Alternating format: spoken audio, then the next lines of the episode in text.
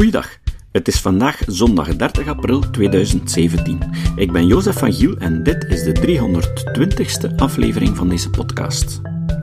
Op zaterdag 25 maart was het weer hoogmis van het scepticisme in Vlaanderen. De jaarvergadering van SCEP. Deze ging door in het Dr. Gillain Museum in Gent, een museum over psychiatrie in een psychiatrische instelling. Geert Machiels sprak er over allerlei onzinpraktijken die in het verleden en soms ook nu nog worden gebruikt in de psychiatrie.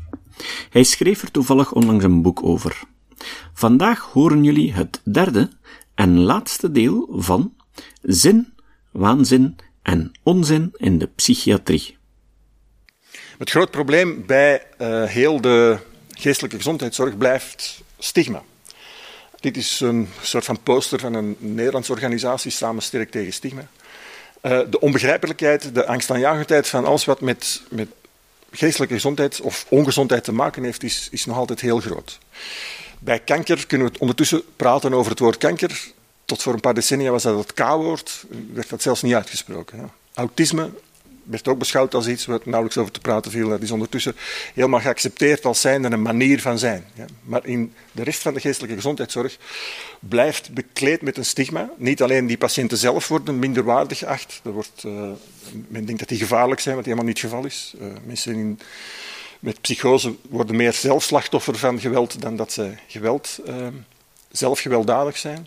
Maar de nieuwsvoering in de media natuurlijk, die bij het minste als er gebeurt onmiddellijk al zeggen van ja, hier is iets fout mee, deze mens heeft zijn pillen niet genomen, is, uh, is in dat opzicht nefast. Maar het gaat verder, want die mensen zelf, mensen met psychische problemen, bekleden zichzelf met zelfstigma. Dus men gaat zelf van zichzelf denken dat men minder waard is. Waardoor men minder snel hulp zoekt. En dat zelfstigma slaat zelfs over op de hele sector. Mensen die in de geestelijke gezondheidszorg werken, stigmatiseren zichzelf, vinden zichzelf minder waard en uh, worden ook minder betaald trouwens. Dus het zit heel ingewikkeld maatschappelijk in elkaar. Als ik praat met mensen uit de geestelijke gezondheidszorg, zeggen zij van dat is eigenlijk ons grootste probleem. En zolang we natuurlijk niet weten hoe die problemen wel ontstaan, uh, zolang zal het moeilijk worden om het duidelijk te maken. Maar een van de dingen die, we, of die ik probeer te vertellen in, in um, in de boeken die ik schrijf en de lezingen die ik geef, is dat onze psychische gezondheid te maken heeft met A, onze genen, maar ook met onze omgeving. Het zal jullie misschien niet verbazen, want psych uh, psychische aandoeningen zitten meestal in de familie. Hè? Dat is zeer duidelijk een genetisch component. Maar een heel belangrijke factor om psychische problemen te krijgen is bijvoorbeeld opgroeien in een stad als migrant, gebruik van drugs, cannabis uh, bij uitstek, en, en traumatische uh, gebeurtenissen in je leven, of gewoon uh, diepe levenservaringen. Dat, dat, kan ook zijn uh, verliefd worden of gaan studeren in een andere stad, of dingen die voor een adolescent met, een hersenen, met hersenen die nog in volle ontwikkeling zijn, die, die heel desastreus kunnen uitwerken. Dus het is een combinatie van genen en omgeving. Er is een nieuwe discipline, contextuele psychiatrie, die juist daar naar probeert te zoeken. Mensen die volkomen depressief worden of burn-outs krijgen, um, door de omgeving, gaan we niet genezen door daar medicijnen in te smijten. Zullen we iets aan die omgeving moeten doen. Mensen in armoede is een grote factor uh, om psychische problemen te krijgen, armoede. In België is tussen de 10 en 15 procent, van afhankelijk hoe je het meet, mensen leeft 10 tot 15 procent van de mensen in armoede. Drie kwart daarvan heeft psychische problemen. We weten niet wat er eerst was. Het zou kunnen dat je eerst psychische problemen hebt, daardoor werk verliest en in armoede terechtkomt. Maar het zou ook omgekeerd kunnen zijn. Ik denk dat het een soort van vicieuze, zichzelf aanzwingelende uh, cyclus is. Wat maar wil zeggen, als je niks aan die armoede doet, dan kan je wel heel hard roepen over we moeten iets doen aan onze geestelijke gezondheidszorg, maar dan gaat het niet opschieten.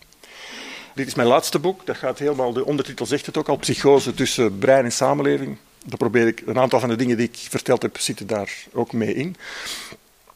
Ik gebruik psychose als een soort van, als de kanarie in de koolmijn als prototype van dat is nu echt gek zijn, psychotisch, wanen, hallucinaties. Aan de andere kant zijn alle problemen die men in de behandeling of de opvang van mensen met psychose meemaakt, ehm, ook zo herkenbaar bij andere psychische aandoeningen en zelfs bij de gezondheidszorg in het algemeen. Maar daarvoor moet je dan dat ene boek lezen. En het andere is de heruitgave van een boek van tien jaar geleden, Freud en Darwin op de sofa, met ehm, de smaakmakende titel en ga ik nu nog niet verklappen wat sigaren en de regenwormen ermee te maken hebben, maar het gaat wel over betrouwbare kennis. Uh, en hoe hebben Darwin en Freud geprobeerd om tot betrouwbare kennis te komen over de werkelijkheid? En bij Darwin ging het dan over de biologische werkelijkheid, bij, bij Freud over de psychische werkelijkheid. Dat zal er binnen een maand of zo zijn en dan wens ik jullie veel leesplezier. En vergeet niet om naar die tentoonstelling te gaan kijken, want dit gaat helemaal over wanen en hallucinaties. Het Giselijmuseum is een van de beste musea van West-Europa, vorig jaar nog bekroond geweest met een prijs. Dus maak van de gelegenheid gebruik om daar uitgebreid rond te lopen en te kijken naar de dingen. Ik ga daar niet langer over praten of jullie ophouden. Ik dank jullie voor uw aandacht en uh, veel plezier vandaag.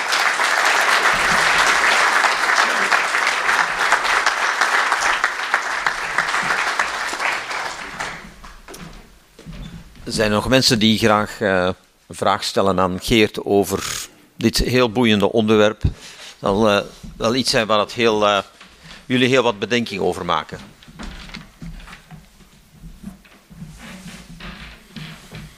Wie durft er het initiatief nemen?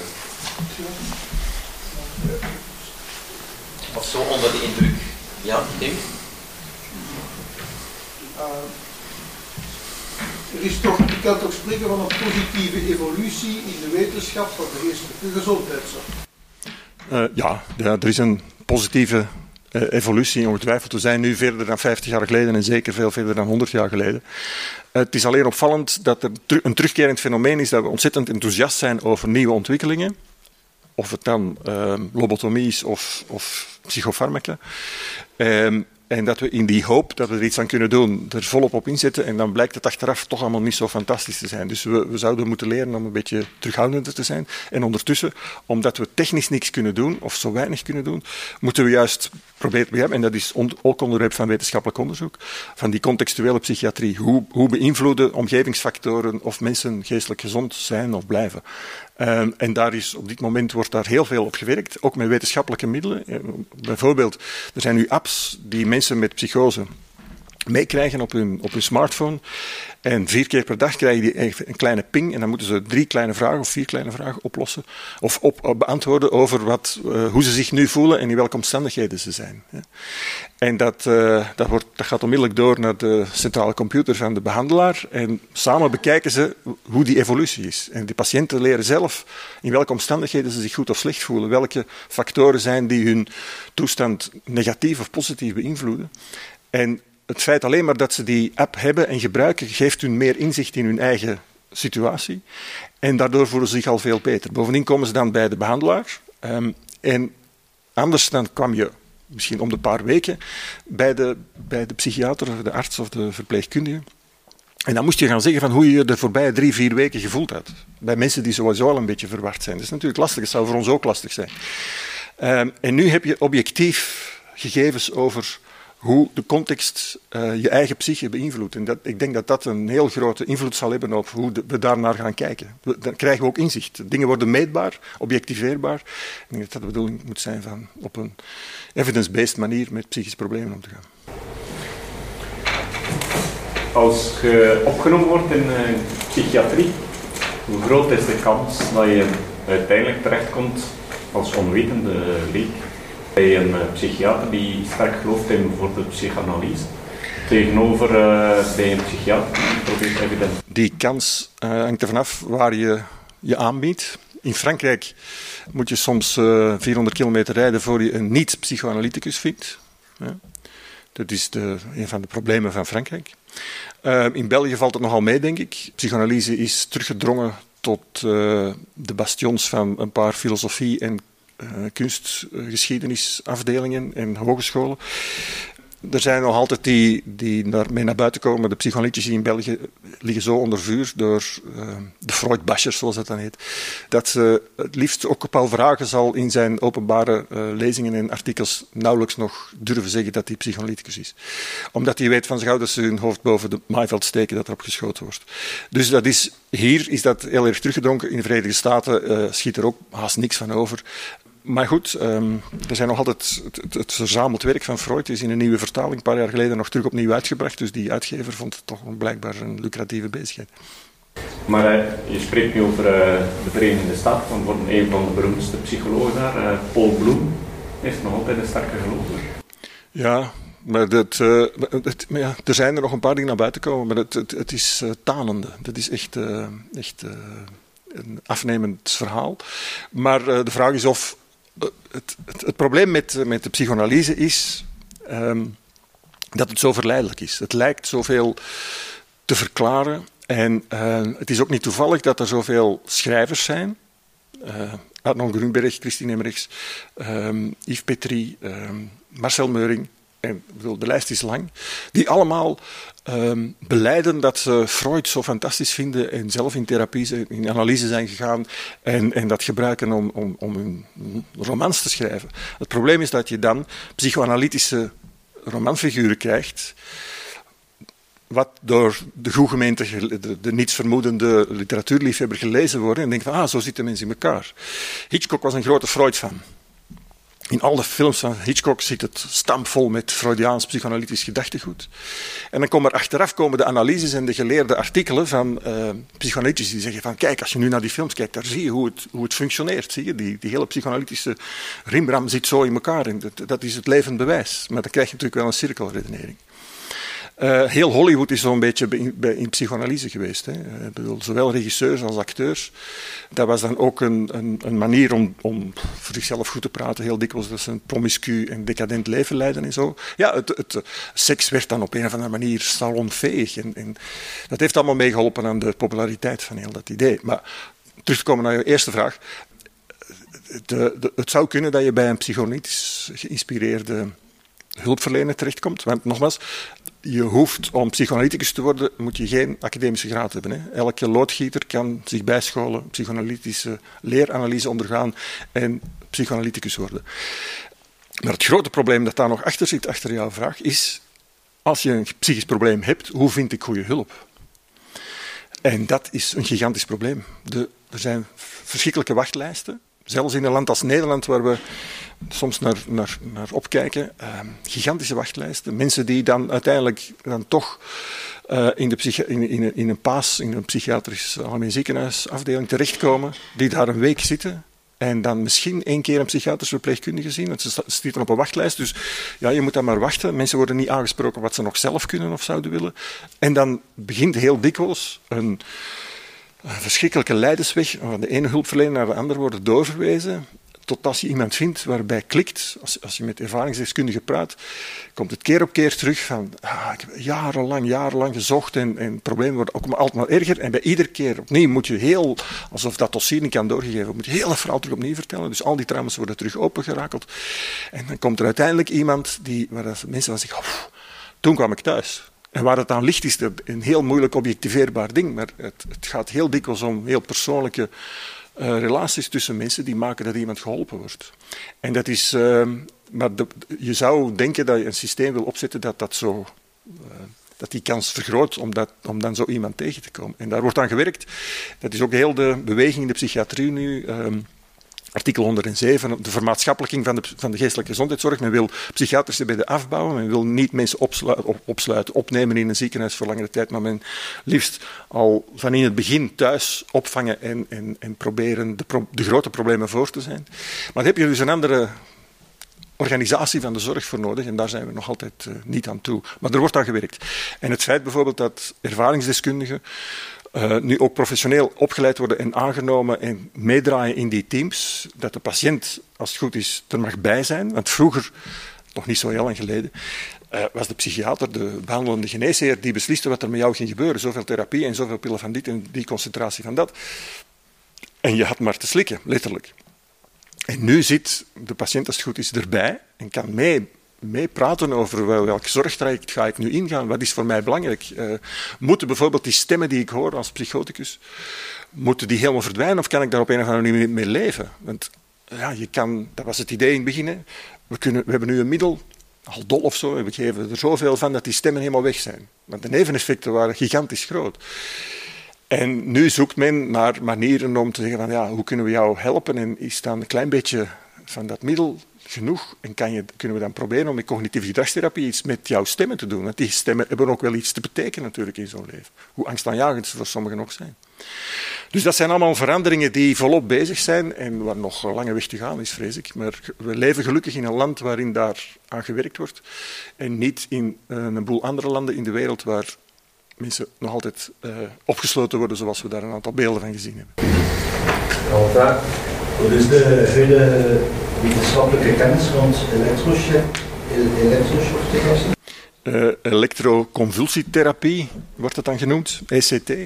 Uh, dat heeft een hele slechte reputatie gekregen na uh, One Flew Over the Cuckoo's Nest, hè, waar uh, Nicholson serieus aan de elektriciteit gehangen werd.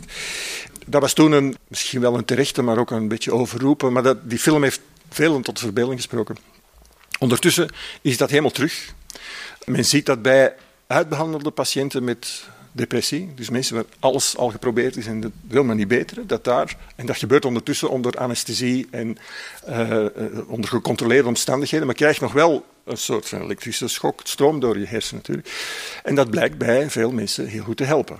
Er zijn een paar geheugenproblemen die daar kunnen bijkomen, maar die nemen die mensen er eigenlijk wel graag bij. Of die hebben liever dat dan de onoplosbare depressieve toestand die ze daarvoor hadden. En ook daar weten we eigenlijk nog altijd niet wat er nu juist gebeurt. Hè. Er is een heel ingewikkeld ding hier uh, tussen onze oren. En er wordt stroom doorgejaagd. En blijkbaar voelen mensen zich daar beter bij. Maar wat er dan juist gebeurt daar, is, is heel moeilijk om te zien. Maar men gaat nog ondertussen nog stappen verder met deep brain stimulatie. Steekt men elektroden tot op bepaalde plekken in de hersenen. Men heeft dat gedaan bij Parkinson. Daar is het mee begonnen. Dus mensen die in de motorische kern, waar de beweging wordt aangestuurd, een, een, een verstoring hebben, om welke reden dan ook, en die dus uh, trillingen krijgen.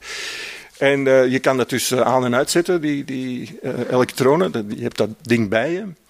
En de demonstraties daarvan zijn, zijn hallucinant. Ik bedoel, je zet dat uit en, en binnen de, het kwartier begint iemand terug te beven. En dan moet er iemand bij zijn die het terug kan aanzetten, want ze kunnen het zelf niet meer. En diezelfde techniek is men nu aan het gebruiken bij obsessief-compulsieve stoornissen en ook bij depressie. En dan, dan, dan, hoor je dus verhalen van dat iemand op de plek, men heeft gezocht waar, waar depressieve kern ergens zit in de hersenen. En op het moment, dus men opereert die mensen die nog volledig bij bewustzijn zijn. Uh, omdat men moet weten of men geen schadelijke dingen aan het, uh, schade aan het berokkenen is aan bepaalde delen van de hersenen. Dus je moet voortdurend vragen beantwoorden van, uh, dat men weet dat je er nog bij bent. En op het moment dat dus die elektrode bij die kern van die depressie komt en men schakelt de stroom aan, zeggen die mensen, het was alsof de rollijken naar boven gingen. Het was alsof het licht terug aanging. Tot dan toe hadden ze altijd geleefd onder een soort van zwarte doek van de depressieve gedachten en gevoelens. En, en die mensen zeggen dan, ja, ik, ik, ik, zeg, ik zeg al vijf jaar dat ik nu eigenlijk mijn tuin zou moeten opruimen, maar ik ga het nu doen. En die gaan naar buiten en die gaan dat doen. Dat is geen techniek die zomaar op, in, om het even wie kan toegepast worden. Dat is nog altijd gevaarlijk om in hersenen te steken. Er kunnen infecties bij komen en dat heeft ook bijwerkingen. Um, dus het is niet voor iedereen geschikt. Maar dat is de, de richting ook waarin we aan het zoeken zijn. Vanuit de biologische kant en vanuit die contextuele kant komen we wellicht nog tot op iets. Want men ziet dus dat die activiteit in zo'n depressieve kern vermindert door zo'n elektrode, maar ook door psychotherapie. Dus de, de, de, twee grijpen op dezelfde plek in. Alleen zijn, kan je bij sommige mensen niet door alleen maar te praten erbij geraken of zo, blijkbaar. Um, en dus dat, dat is allemaal nog uh, werk voor de toekomst. Maar men is er hard aan het werk. Ja. Hoe verklaart u de duur van de studie voor psychiaters? Dat is geloof ik de specialiteit in de geneeskunde die het langste duurt. Leden die allemaal die waanzin? Of, uh... Uh, die krijgen ondertussen geen psychoanalyse niet meer. Um, ik weet niet of dat langer is, dat, dat, hangt ook af van land tot land, denk ik. Um, ik denk dat het hier een of ja, maar andere specialisten studeren ook lang, dus ik denk niet dat dat. Uh... Ja, dat is dit. Zeven jaar Er is achteraan, achter in de zaal, is een ervaringsdeskundige die er alles over weet. Uh, dat helemaal andere andere specialisaties zijn ook. Ja. Maar in totaal moet je de het is een. Ik snap het niet. Ja, u vindt dat die mensen sneller zouden moeten kunnen afstuderen? Ja, ik, weet, ik weet niet wat die studeren. Dat is... Ja, maar dat kan je van alle, dat kan je van alle geneeskundestudenten u afvragen natuurlijk. Hè. Het, is, het is een lange studie en het is ook een van de moeilijkste beroepen die er zijn, lijkt mij. vandaar. Maar goed. In welke mate is uh, hypnose wetenschappelijk onderbouwd en zou dat kunnen gebruikt worden voor uh, psychoses? Zeker, ik denk zeker niet, voor psychose zeker niet onderzocht. Um, daar is heel weinig, dat is een heel raar ding, hypnose. Dat is, uh, men brengt mensen in een bepaalde andere concentratietoestand. Hè. Wat er juist gebeurt in de hersenen weten we eigenlijk niet. Sommigen zijn heel suggestibel en gaan dus heel makkelijk mee, anderen helemaal niet. Uh, waar dat dan ligt, weten we ook al niet. Um, en of dat dan te gebruiken is om uh, ernstige psychische aandoeningen uh, te gaan behandelen, lijkt mij zeer onwaarschijnlijk. Omdat het voor een groot stuk werkt met suggestie. En als mensen, specifiek dan bij psychose, daar heb ik nu niet over verteld, dat is een heel stuk in mijn boek. Um, wat in die hersenen gebeurt, is dat zij um, veel meer verbanden leggen en sneller causale verbanden leggen dan andere mensen. Um, zij hebben ook een soort van aandachts, aberrante aandachtstoornis, noemt men soms. Alles, alle, wij, wij, sluiten ons af voor alles wat wij al kennen. En, en als na de derde keer diezelfde gong terug afgaat, dan, dan letten we er eigenlijk zo niet meer op. Bij mensen met psychose blijft dat iedere keer terug opnieuw 100% binnenkomen. Dus zij, verzinnen voor zich. Zij, wij werken allemaal met een model in ons hoofd van hoe de wereld in elkaar zit. We hebben allemaal ondertussen, terwijl ik hier sta te praten, al honderden keren onze ogen open en dicht gedaan. Geknipperd. Dus eventjes gaat het licht uit. Hè? Maar er is niemand die dat heeft opgemerkt, dus als je daarna begint te kijken. Hoe kan dat? Hoe kan dat dat als ik zo doe, dat alles hier stabiel blijft? Hè?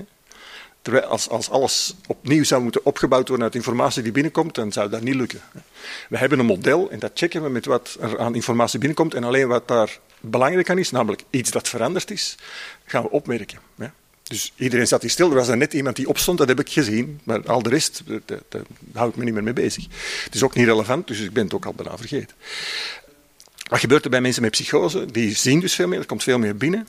En die koppelen dat, of die kunnen dat blijkbaar moeilijk terugkoppelen naar die modellen die ze hebben. Dus die gaan daar zelf een verhaal bij zoeken. En dan krijg je wantrouwen, uh, complottheorie-achtige dingen, uh, en hallucinaties. Uh, ik, ik, heb, ik ben opgedragen geweest om de wereld te gaan redden en alle mensen met een zonnebril die, die, die willen mij daar die willen dat tegenhouden, bijvoorbeeld. Dus iedereen die je ziet met een zonnebril wordt dan natuurlijk een bron van angst. Dus die mensen zijn zeer suggestibel. Dus als je daar dan nog eens een, een methode zou gaan gebruiken die op die suggestie beroep doet, dan wordt het alleen nog erger, denk ik reden ook waarom psychoanalyse absoluut contra-geïndiceerd is bij psychose. Omdat, omdat je dan verhalen gaat oproepen die sowieso in de psychoanalyse uh, alleen maar stukken van fantasie zijn. En dat zou je bij, bij iemand met psychose nog gaan extra stimuleren. Dus dat, uh, dat werkt averechts. Ja, en bijvoorbeeld over het onderwerp psychose gaat, en dat is uit de recente bestseller uh, Destructieve relaties op de schop van de Nederlander Jan Storms uh, en uh, wat ik daarin erg schokkend vond, was zijn conclusie van ja, psychotische mensen, daar is niets aan te doen. Het enige dat je kunt doen in je eigen leven, dat is alle associatie met die mensen vermijden. Ik weet niet wat u als expert daarvan zou zeggen. Uh, expert, uh, ik, ben, ik ben geen psychiater, ik ben geen geneesheer. Uh, ik ken het boek ook niet. Het lijkt mij een heel rare benadering om, om alle contact met andere mensen uit de weg te gaan. Ehm, die mensen hebben juist, ja, ik bedoel, die, die leven in een hele moeilijke wereld. Want heel veel mensen zijn voor hun bedreigend of, of verwarrend. Of, het is heel, voor hen heel moeilijk om, daar, om in de wereld overeind te blijven, met of zonder mensen. Maar ik denk dat juist een van de bedoelingen zou moeten zijn om terug te leren functioneren. En, en via al dan niet cognitieve gedragstherapie bijvoorbeeld, om terug te leren, te, te leren zien dat niet alles wat de mensen in jouw wanen misschien wel van plan zijn, dat dat niet gebaseerd is op, op de werkelijkheid. En dat dat een stuk is, en dat ook die stemmen, dat is een van de, de dingen die ook fout gaan. Zij horen stemmen, maar dat, zijn eigenlijk, dat is een inwendige stem. Zoals wij ook wel eens tegen onszelf zitten te praten of gedachten hebben bij onszelf, maar voor hen wordt dat een stem die van buiten komt. Dus je moet proberen om mensen daarmee te leren omgaan. En dat ga je niet doen, denk ik, door ze op te sluiten en eh, in isolatie te steken. Ja. Ik heb nog één vraag. Um, wat is het volgens jou het gehalte van placebo-effect bij antidepressiva? Uh, uh, lees mijn boek, er staat een heel hoofdstuk in om uit te leggen hoe dat, hoe dat uh, probleem ontstaat. Er is een groot placebo-effect. Sowieso ook bij psychotherapie en bij, bij, bij zowat alles. Het probleem is dat omdat Uh, er is een verschil tussen placebo gebruiken in een klinische studie om een controlegroep te hebben waar niks in gebeurt. Maar hoe doe je niks in een in, in psychotherapie setting. Dat is, uh, dat is heel lastig om niks te doen. Ja, mensen op de wachtlijst laten zitten. Plus dat mensen die, die, um, die in zo'n klinische studie terechtkomen, die krijgen heel veel aandacht. Je moet om de zoveel tijd uh, bloedconcentraties worden onderzocht en je krijgt gesprekken en tussentijds evaluatie en vragenlijsten, want ze willen jou constant bijhouden.